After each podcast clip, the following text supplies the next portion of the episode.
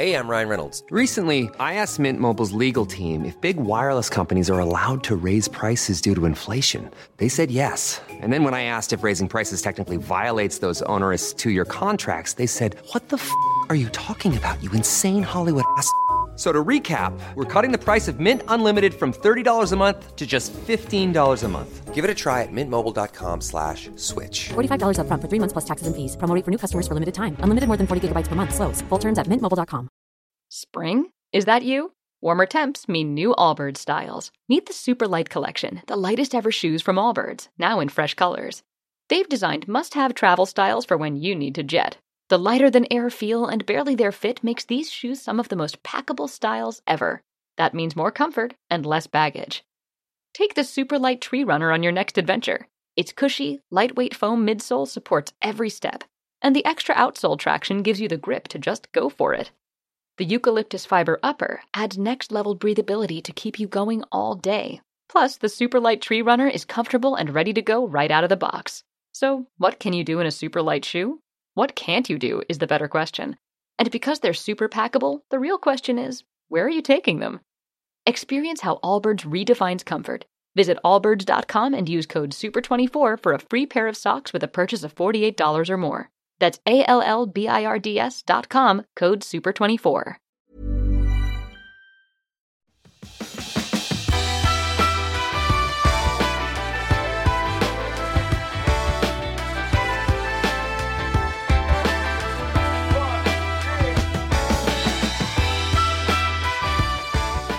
Välkommen till Klimakteriepodden med mig, Åsa Melin. Det är dags för ett nytt avsnitt och fler har frågat efter just det här. Nämligen, vad är det som händer i och med huden när vi kommer i klimakteriet? Att östrogen även påverkar hur huden ser ut och känns tror jag att de flesta som passerat menopaus i alla fall känner. För vi hörde ju också hur Louise Rudberg bland annat talade om det här i avsnitt 252 som heter Om att åldras.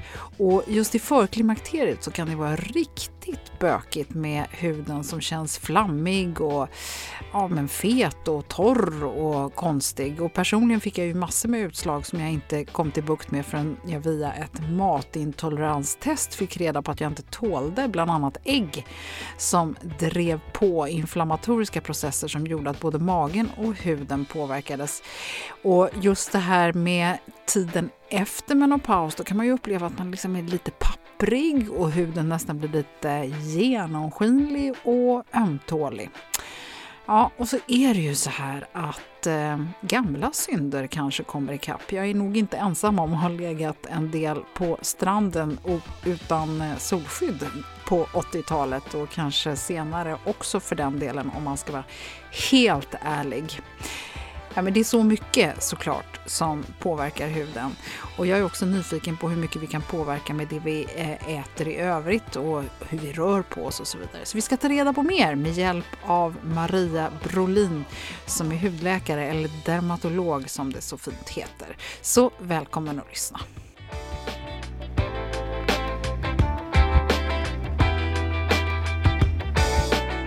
Då Maria Brolin vill jag önska dig varmt välkommen till Klimakteriepodden. Tack Åsa. Du är hudläkare eller dermatolog som man nu verkar som man brukar säga. Du är i alla fall specialistläkare inom det som så fint heter dermatologi. Och det är då hudvård om jag får säga det på vanligt språk. Och du har mångårig och bred erfarenhet av att både diagnostisera och handlägga olika typer av hudsjukdomar och så har du stor vana och behandling av just hudcancer och så har du även jobbat med plastikkirurgi och du har varit eh, verksam både på Södersjukhuset och nu driver du Hudcentrum i Hagastaden. Och vi har ju träffats genom Vichy så det är liksom lite spännande för där pratar man ju mycket om dermatologisk hudvård. Välkommen Maria! Tack Åsa, det var en bra sammanfattning. Ja, vad har jag missat? Nej, men jag tror att du fick med det mesta faktiskt. Ja, Kul. Du, eh, kan du inte förklara vad då skillnad på dermatolog eller hudläkare är? Det är egentligen ingen skillnad. Det är två olika ja, begrepp för samma sak. Vi är ju då specialister inom eh, sjukdomar i huden helt enkelt, i kroppens största organ. Och eh, på svenska säger vi hudläkare och kanske mer internationellt perspektiv kanske man säger dermatolog, men det kan man även säga på svenska. Så det är samma sak. Jag tycker man mer och mer hör ordet dermatologi i förhållande till hudvårdsprodukter. Det kanske är ett sätt att få det att låta seriösare från producenternas sida.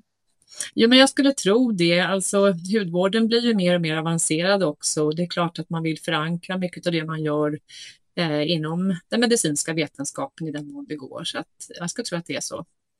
Du, vi ska prata om huden och vad det är som händer med fokus på oss som är i klimakteriet. För det är vi som lyssnar på det här och vill lära oss mer. Och då vill jag börja med att fråga varför huden överhuvudtaget åldras. Ja, alltså huden är ju lite grann som eh, alla andra vävnader i vår kropp. Det är bara det att huden är vår utsida och det är där det syns. Jag skulle säga att det speglar egentligen hela kroppens åldrande, för det gäller inte bara huden, det gäller ju allt från hjärta, kärl, eh, leder, lungor och så vidare. Men, men huden är lite grann av ja, kroppens spegel. Det, det, det syns ju då mer i och med att det är vår utsida, det är vårt mm. skal. Du, vad är det som händer i den då, rent, eh, rent medicinskt så att säga och konkret? Varför, varför ser man att den åldras? Ja, alltså med åldern så förlorar ju huden sin eh, ja, fyllighet och elasticitet kan man säga och mycket av det beror ju på att nivån av kollagen eh, går ner och elastinet då som ger elasticiteten i huden, det blir luckrare och skörare och med det resultatet då att det ser synligt mer ja, eh, slappt och kanske rynkigt eller man ser linjerna tydligare på grund av detta. Sen ska man också komma ihåg att eh, det är inte bara huden utan även underliggande strukturer såsom underhudsfett och faktiskt även skelett, alltså benvävnad som eh, bryts ner med tiden. Så det, det är en kombination. Om man ser till ansiktet då så, så blir det kanske mer en, en, eh, en, en mindre fyllighet på grund av alla de här tre sakerna som, som då förändras med tiden. Och sen jobbar vi också mot gravitationen om man ska vara helt ärlig. Det är ju en, en, en tyngdlagen som gör att huden också eh, med tiden dras neråt. Så vi har ju mycket som jobbar mot oss. Mm. Jag kan personligen uppleva att liksom huden är slappare och nästan känns som den har lossnat liksom från det den sitter, så att säga, borde sitta fast i lite grann. Förstår du vad jag menar? Ja, där behöver du inte vara orolig för det har den inte gjort. Den sitter fast. men, men nog kan det vara så det upplevs, absolut. För att eh, det blir ju en annan, eh, andra linjer, en annan, ett annat uttryck förstås. Musklerna och rörelserna i huden, det blir ju ett annat, ett annat uttryck helt enkelt. Eh, och sen så har vi också andra förändringar som sker, alltså du får en ytligare kärltäckning, alltså ytliga blodkärl i huden och i och med att elasticiteten minskar så kan det också vara så att porerna framstår som lite större än vad de var när man var yngre kanske. Och eh, även talgfunktionen, alltså våra talgkörtlar vi har i huden ska ju producera talg för att hålla fukten eh, i, i huden och, och den den produktionen blir sämre med tiden, vilket gör att vi också får en, en torrare och lite skörare hud. Och att rökning och sol påskyndar själva åldrandet, det, det, tror jag de flesta vet. Men finns det något annat sånt där som faktiskt är en, en faktor som man kan själv eh, kontrollera?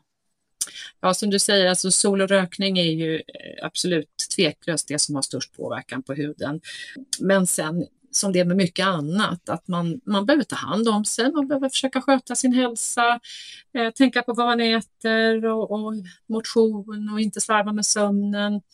Eh, försöka undvika stress, alltså egentligen mer hur man mår i största allmänhet som, som spelar roll. För det här tycker jag är otroligt spännande. Liksom med vad är det som gör att man kan bibehålla en ung hud och fräschör och motverka åldrande? Och då, just det att du nämner mat och näring och, och, och sånt där. Vad, eh, vad, vad, vet man där? Eller vad vet ni, professionen, om näring och motion och cirkulation och sån här frisk luft och inte frisk luft och sådär? Det är egentligen svårt att kanske mäta direkt objektivt vad det får för effekt på huden, men det är ju som mycket annat, alltså hela kroppen egentligen, att om du sköter dig, att det ändå ger sig, alltså om du snarare missköter dig så får ju det konsekvenser för, för hur vävnader och, och så utvecklas, hur du, hur du ser ut och hur du känner dig i största allmänhet. En annan tanke som många funderar på det är ju det här med kollagentillskott. Kan det hjälpa? Eh, det är väl som så att huden, det är ju där vi har vårt kollagen så att säga och eh, om du ska ta ett tillskott då är det någonting du sväljer som åker ner i magsäcken och i magsyran och i tarmarna och eh, det kommer inte att komma dit det ska, det vill säga till, till huden på det sättet. Så att, nej, jag skulle väl kanske inte slå ett slag för kosttillskott med kollagen. Nej.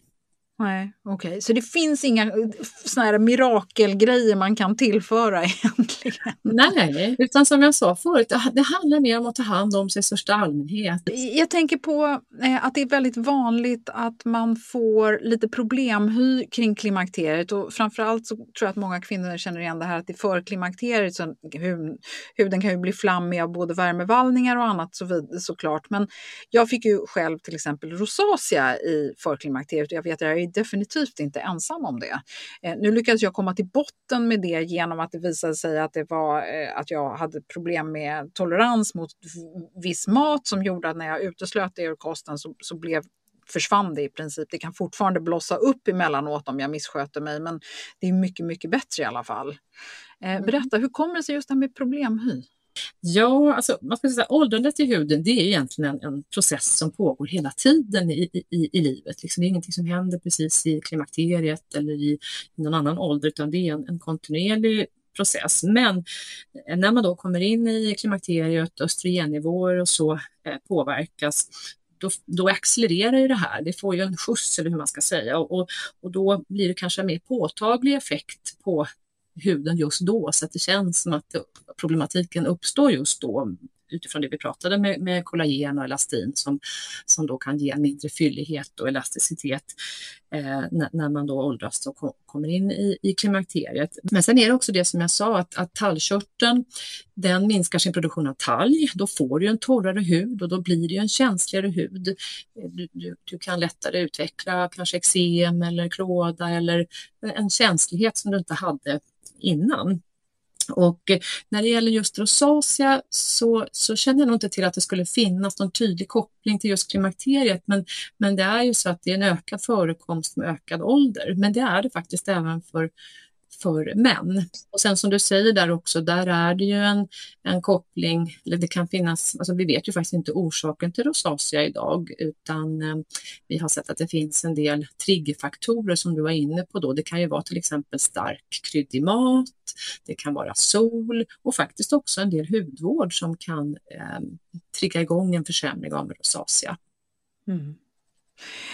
Men det här med, jag tycker det är spännande med östrogenet. För, vad har den för roll? Vi vet ju att östrogen är antiinflammatoriskt och då, då, kan man ju tänka sig att just östrogenet även håller tillbaka lite av inflammatoriska känslor och, och någon slags aknekänsla eller något annat. Fin, finns det något Nej, inte vad jag känner till att det skulle ha en rent antiinflammatorisk effekt på huden och så, på så vis påverkar rosacea.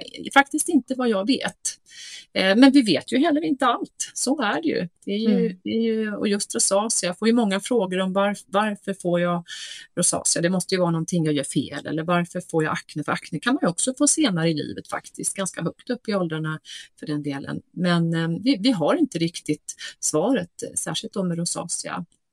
Nej, men för jag tänker att just i tonåren så är det ju väldigt tydligt kopplat till hormonella svängningar och det går ju att lösa det. Men även liksom, hur tar man reda på vad det är man har då? Jag menar, man kan ju inte bara stå och, och leva med att man har små prickar i ansiktet. Nej, det ska man absolut inte göra. Då ska man eh, be om hjälp. Så att eh, då om man eh, upplever att man har en problemhy eller att man helt plötsligt får en problemhy fast man aldrig haft det, då kan man ju söka sig till en eh, hudläkare eh, eller en, en, en husläkare för den delen också, att man går till sin vårdcentral och får hjälp. Absolut, man ska inte behöva ha hudbesvär. Nej, ja, eh, vi, vi ska komma tillbaka till det. Jag är också nyfiken på andra saker som händer. Det är lätt att man får ganska mycket påverkan. Det här med hur man kan få små vårtor, kanske inte i ansiktet så vanligt, men på kroppen kan det vara vanligt. Man kan få fläckar, pigmentförändringar. Det kan vara saker som kliar. Eh, så för det första, varför måste vi få allt det här? Vad är det för någonting? Ja, alltså den som eh, slapp allt detta, eller om man kom på en metod att försöka eh, slippa åldersvårtor och åldersförändringar, då, då, eh, det skulle vara mycket, mycket bra. Men det, tyvärr så är det någonting vi får på köpet. Vi får visheten med åldern, men vi får också en del förändringar i vår hud och, och kropp. Och det är precis som du säger, eh, åldersvårtor, alltså seborrhoiska keratoser, är ju jättevanligt. Från 30 års ålder kan man få den här typen av vårtbildningar. De vet vi faktiskt inte heller vad de beror på. De kan egentligen komma var som helst på huden, faktiskt också i ansiktet. Eh, kan vara ja, förstås kosmetiskt störande och kan klia och så, men blir aldrig farliga på det sättet. Och sen har vi också helt enkelt solfläckar eller benigna lentigo, en plan ljus ljusbrun fläck som man kan få framförallt på solbelysta ytor, ansikte, handryggar, underarmar, dekoltage. Också mer eh, tråkigt kosmetiskt sett men heller inte farligt. Och sen som vi var inne på förut också ytliga blodkärl, um, lite skin tags, ja, lite sådana tråkigheter som kommer med åren. vet vi faktiskt inte varför det, det kommer men, men det gör det. Det som är svårt där är väl kanske mer att se skillnad på vad som är vad. Mycket som sagt får man ju lov att få med åren och det, och det kommer mer eller mindre för oss alla. Men sen måste man vara observant så att man inte eh, missar de märken eller förändringar som inte ska vara där. Ja, och då kommer vi in på det. Hur, hur vet vi? Ja, det är inte alltid så lätt. Så att, eh, jag brukar säga att det man ska vara observant på i första hand är förändring, alltså all, all, typ av dynamik i huden som man inte riktigt känner igen.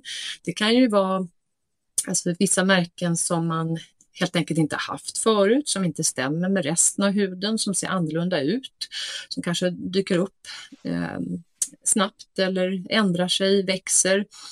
Um, eller märken man har haft tidigare som helt plötsligt ändrar karaktär från att ha varit en jämn och välavgränsad fläck till exempel så kanske det händer saker, att det blir en färgförändring eller en tillväxt eller från att ha varit en välavgränsad eh, förändring eller fläck i huden så kanske fläcken helt plötsligt blir ojämnt avgränsad eller får förgreningar åt olika håll. Så det, det är fråga om en, en, dynamik, en förändring som man ska reagera på. Eh, sår som inte läker till exempel, eh, som, man, som dyker upp eh, i ansiktet exempelvis eh, och som då inte läker på ett vanligt sätt ska man också vara observant på. Och sen tycker jag att man hellre ska söka en gång för mycket än för lite. Och, och förespråkar du att man tar bort någonting även om det inte är farligt? Det tycker jag att man måste få bestämma själv. Jag tycker absolut att om man har märken eh, av typen eh, solfläckar, lentivo då, eller seborrhoiska keratoser, eh, om man tycker att det är någonting som är missprydande eller som kliar eller i vägen, tycker jag absolut att man ska kunna ta bort det. För då är det ju en rent privat kosmetisk sak som man får stöka till en hudterapeut eller något liknande och det är ju inte alla som naturligtvis har råd med det. Men personligen så har jag ju en ganska stor fläck på kinden som jag har tagit bort i, och den kommer ju liksom tillbaka hela tiden så det är ganska frustrerande. Men det är i alla fall skönt att få bort den och sen så får man leva med att den kommer tillbaka. Liksom. Ja men precis, det kan de ju göra. Det har du helt rätt i. Många av de här åtgärderna åtgärder. Man, alltså man kan ju eh, antingen laserbehandla bort vissa förändringar, man kan frysa bort vissa förändringar, skrapa eller bränna och det finns ju en risk att de kommer tillbaka, så är det ju. Men det viktigaste, viktigaste skulle jag vilja säga ändå är att man har en, en, en professionell eh, person som ändå bedömer det här eh, i huden innan man plockar bort så att man vet att det är 100% godartat och eh, inte farligt att behandla eller ta bort. Mm. Du, hur vanligt och farligt är det med hudcancer då? Om vi nu ska prata om de här förändringarna som eh, sker som inte är godartade och vanliga hud, äldre tecken eller ålderstecken. Och vi som är födda just på 60 och 70-talet har ju eh, legat, eh, vi kallar det ju för att ligga och pressa och det var man ju liksom stolt över. Ja precis, ja, det, det, det, gamla synder, de, de, de kommer ju ikapp, så är det ju precis så. Och, och som du säger, alltså det, det ju med många års fördröjning. Det kan ju vara det som eh, man utsatte sin hud för för 20, 30 kanske 40 år sedan som ger sig till känna senare i livet. Så det är inte det som, som alltså den solen man, man exponerade sig för förra sommaren eller ens sommaren innan det, utan det här är ju många år tidigare och, och ett upprepat beteende, precis som du säger. Så att eh, nej, men hudcancer är ju en av de eh, cancerformer i Sverige som ökar allra mest, eller den cancerformen som ökar allra mest faktiskt, och är den näst vanligaste cancerformen överhuvudtaget efter bröstcancer och prostatacancer. Och eh, det finns ju egentligen tre sorter kan man säga. Eh, och eh, den mest aggressiva är ju de maligna melanomen och där menar man ju då Oftast är det pigmenterade förändringar, eh, typ födelsemärken som ehm, kan ändra sig eller om man får nya märken ska man ju reagera. Och sen har vi skivtelcancer som är eh, egentligen mycket vanligare maligna om, inte lika aggressivt på något sätt. Ehm, kan också poten potentiellt faktiskt ge en spridning i kroppen. Och sen har vi basaliom som egentligen aldrig blir livshotande men som kan det räknas som en hudcancer. Det kommer på solbelysta ytor i regel, eh, ansikte och så vidare. Och man behöver ta bort dem, för det, just de uppträder gärna som sår som inte läker. Eh, eh, tyvärr ofta lite tråkiga ställen som näsa, ögon där det är lite svårt att operera. Så det kan bli ganska tråkiga och missprydande ärr, även om det här inte är livsfarligt tumör. Och de är ju desto vanligare, för jag säga. Där har vi kanske upp mot ja, 60, 50, 60 000 per år, förmodligen fler. Och hur farligt är hudcancer eh, om man jämför med, jag menar bröstcancer botar man ju till väldigt, väldigt stor del idag. Eh, hur farligt är hudcancer? Nej, men vi botar de allra flesta, absolut. Som jag sa, basaliom, där har vi, det är inte en livshotande tumör och det är ändå den vanligaste formen, eh, även om det är förknippat med tråkiga ingrepp. Och skivdelcancer är också de absolut flesta eh, klara vi så att säga. Och när det gäller maligna melanom, där är det mellan ja, cirka, cirka 85 procent som, som, som vi botar. Så att det, är ju, det är ju höga siffror som tur är. Absolut. Mm.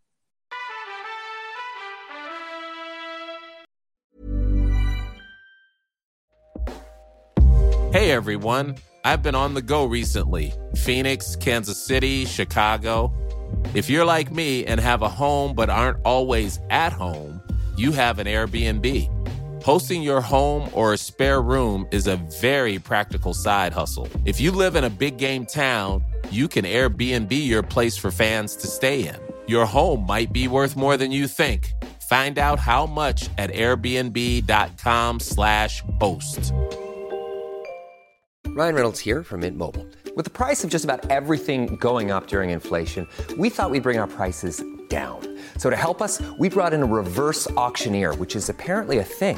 Mint Mobile unlimited premium wireless. Ready to get 30, 30, bit to get 30, bit to get 20, 20, 20, bit to get 20, 20, bit to get 15, 15, 15, 15 just 15 bucks a month. So, Give it a try at mintmobile.com/switch. slash $45 up front for 3 months plus taxes and fees. Promo for new customers for limited time. Unlimited more than 40 gigabytes per month slows. Full terms at mintmobile.com. Det är härligt att klimakteriets tabu äntligen är på väg bort. Vill man försöka klara sig utan hormonbehandling så finns nu många nya kosttillskott som lovar bland annat hormonell balans och som ska stötta brister. Jag vill lyfta min räddare i nöden, Femarel. Det har inte bara varit min utan många andra kvinnors räddning i över 20 år. Och med lång tid på marknaden, med nöjda användare, dessutom med 20 forskningsstudier så vågar jag säga att det kan vara en god idé att prova Femarel. Femarel finns på apoteken och i hälsokostbutiker. Tack Femarel som varit min samarbetspartner i många år.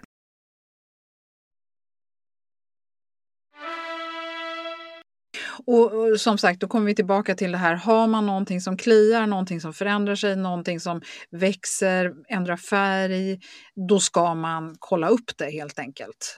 Ja, det tycker jag faktiskt. Om man inte känner igen eh, någonting som sagt nytt eller förändrat, då tycker jag man ska kolla upp det. Mm. Och sen är det, det, det är viktigt att eh, också ha egen koll på huden, att man inte förlitar sig kanske på den där kontrollen då och då eller eh, husläkaren då och då, utan, utan att man faktiskt eh, lär sig känna igen sin hud. Var finns mina prickar och, och, hur ser den ut? Och att man också tar hjälp av någon för att titta på, på ryggen, baksidan av kroppen där man inte ser. Ryggen är ett jättelurigt ställe faktiskt. Så att man har som en rutin att titta igenom huden och gärna ta hjälp då några gånger om året. Eh, jag har många patienter som använder sin mobilkamera till exempel. Man håller lite koll och ser eh, eventuella förändringar så att man kan jämföra med de bilder man har tagit från tid till annan. Mm. Ja, bra tips. Du, om man eh, ska satsa på hudvård, då, vad ska man lägga fokus på då? För någonting kan vi väl i alla fall göra? Precis, vad tror du mitt svar blir? ja, jag, jag är ju mycket för, alltså solskydd är jätteviktigt. Jag kan egentligen tycka att när det gäller eh, hudvård, dag, alltså dagkräm och liknande, då skulle ju egentligen solskyddskrämen vara dagkrämen eh, helt enkelt. Eh, för att det, det ser jag nog som den absolut viktigaste eh, produkten eller metoden att bromsa åldrande. Faktiskt. Egentligen oavsett hur gammal du är. Om du är ung eller äldre, det spelar ingen roll, utan det är den definitivt bästa hudvårdsprodukten när det gäller åldrandet eller mot åldrandet vi pratar ju ganska mycket om det här med att rengöring är viktigt och det är viktigt med att man liksom återfuktar och allt det här. Spelar det någon roll? Jo, men det gör det. Det, det, det gör det. Alltså, vi har varit inne på rosacea och där får man vara lite försiktig med vad man väljer för hudvård. Ofta kan det ju vara så att alltså less is more. Det måste inte vara så komplicerade rutiner. Det, det, det, kanske snarare tvärtom, att har du rosacea-benägen hud att du ska skala ner till kanske en mild tvättprodukt, eh, kanske en mild och inte för fet eller för oljig återfuktande och tvärtom också om du nu upplever i, i, i de här åren, alltså klimakterieåren, att din hud faktiskt är påtagligt torrare, då kanske man behöver välja någonting som är lite fetare än man har haft förut. Eh, och det är klart att det spelar roll och att man inte är för flitig med att tvätta tvätta heller, att man är eh, lite snäll mot huden. För, för att för mycket tvätt det torkar ju ut och då kan ju det irritera och, och faktiskt trigga igång en rosacea till och med. Eh, och eksem och liknande. Så att, för, man ska säga att det är väldigt individuellt, så det gäller att, att anpassa efter, efter sin hudtyp och, och um, inte göra det för komplicerat skulle jag vilja säga. Mm. Hålla det enkelt. Mm. Okej. Okay. det kommer ju massor med nya innovationer och nya behandlingsformer och det ska föryngra hit och det ska förbättra strukturen. Och det finns ju alltså helt fantastiska grejer om man nu börjar googla på det här. Alltså, du som jobbar med det här, du, du har koll på trender och sådär. Funkar grejerna överhuvudtaget?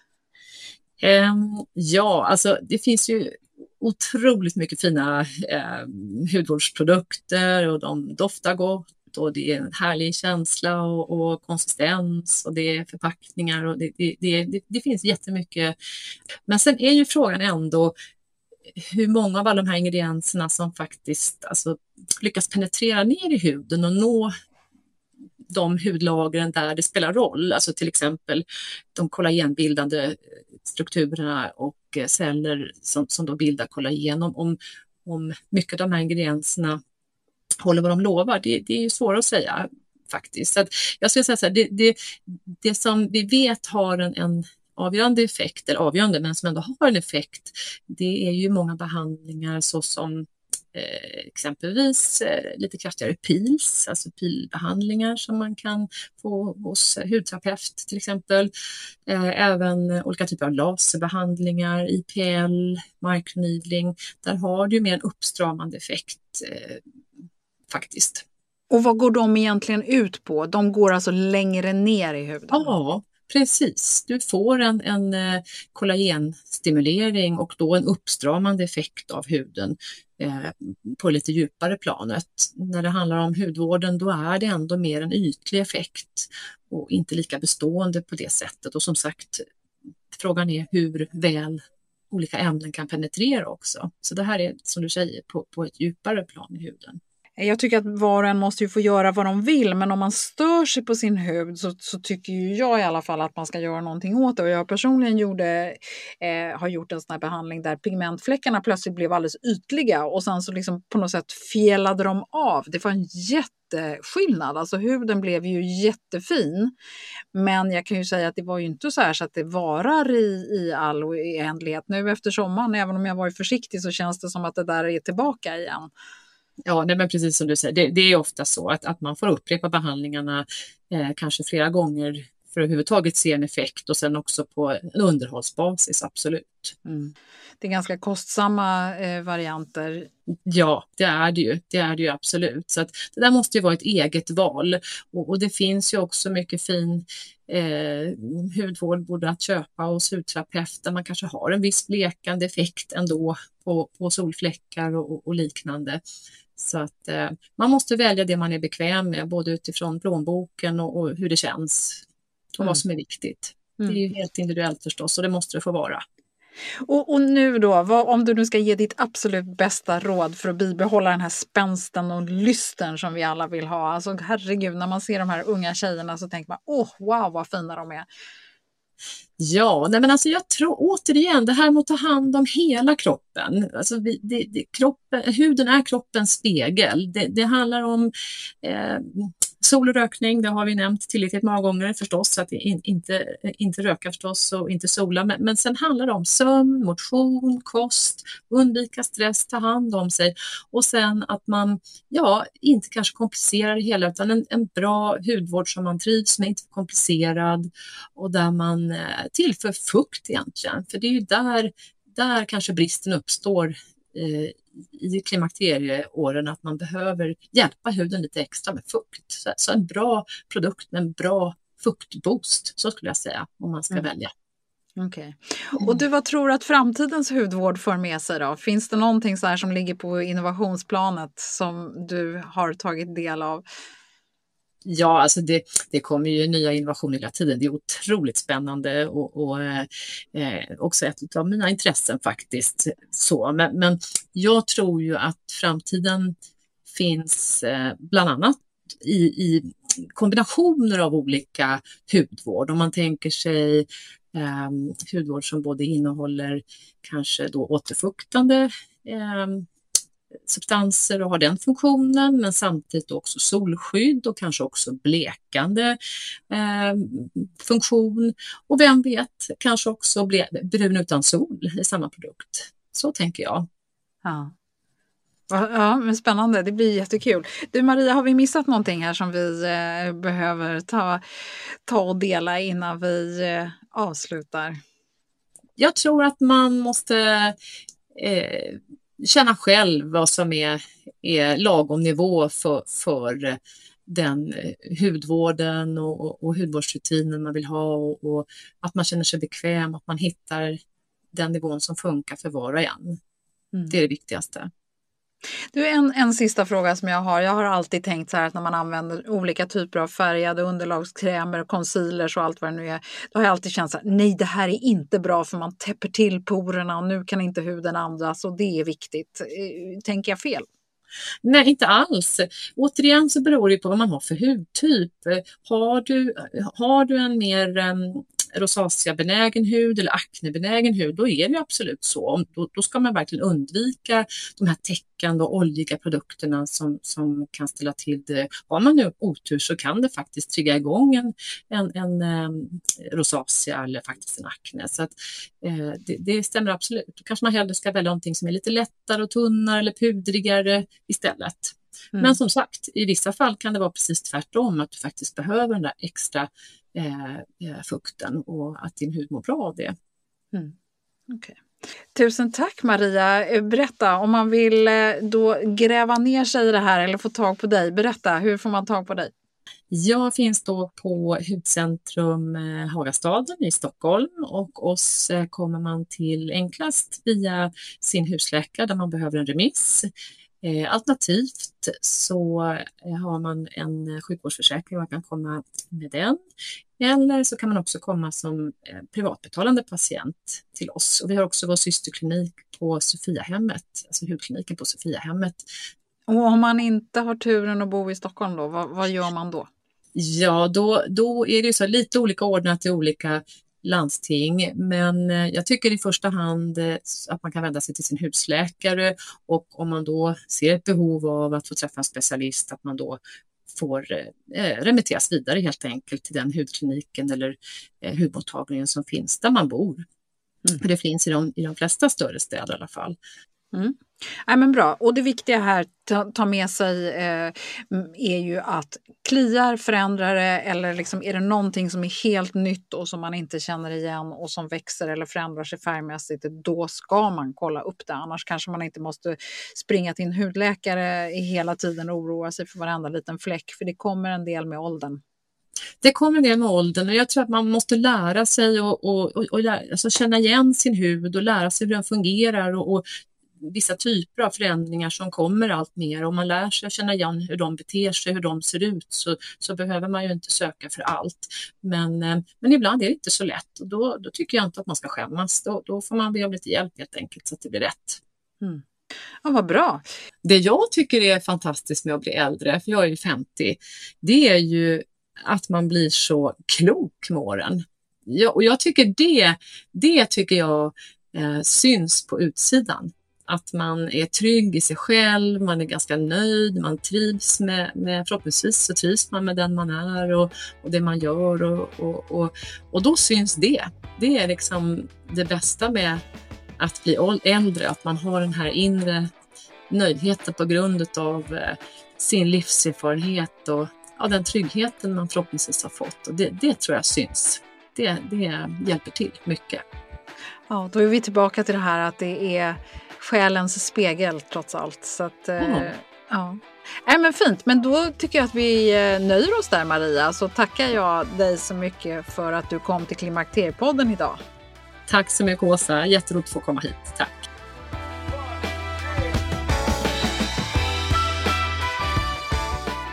Jag tycker att det är superintressant och lite tröstfullt också att eh, höra att det inte bara är en brant backe utför. För oavsett vem man är så tror jag att det är lätt att hänga upp sig på det man ser i spegeln och det är inte så lätt att ge sig själv ett käckt leende alla månader i veckan. Jag är i alla fall så lycklig för att min rosacea är borta, även om det ibland blossar upp lite prickar här och var. Men då vet jag ju tack och lov att kosten är det jag kan påverka just när det gäller rosacean. Motion och cirkulation, men inte minst hudvård och ha en sund rutin innefattar ju även ordentlig rengöring och hudvårdsprodukter som är anpassade efter en lite äldre hud. Ja, men jag tror på det faktiskt. Jag hade en väninna som sa att hennes strategi mot rynkor handlar om att stadigt gå upp lite i vikt så man fyller ut rynkorna. Och det kanske inte kan klassas som en bra rekommendation med tanke på att det kan ha andra sidoeffekter som eh, kanske inte är så hälsosamma. Men hur som helst så hoppas jag att du kände att det här var någonting nytt. I nästa avsnitt så är det dags för att få lite tips från coachen och PTn Betty Vasenius som förespråkar träning och rörelse med fokus på lust och inte krav. Vi ska få en liten ny infallsvinkel på det här med hur man kan tänka kring träning och rörelse. Och en eh, lektion i att vara lite snällare och mjukare. Så missa inte det. Tack för att du har lyssnat och välkommen snart igen. Hej då!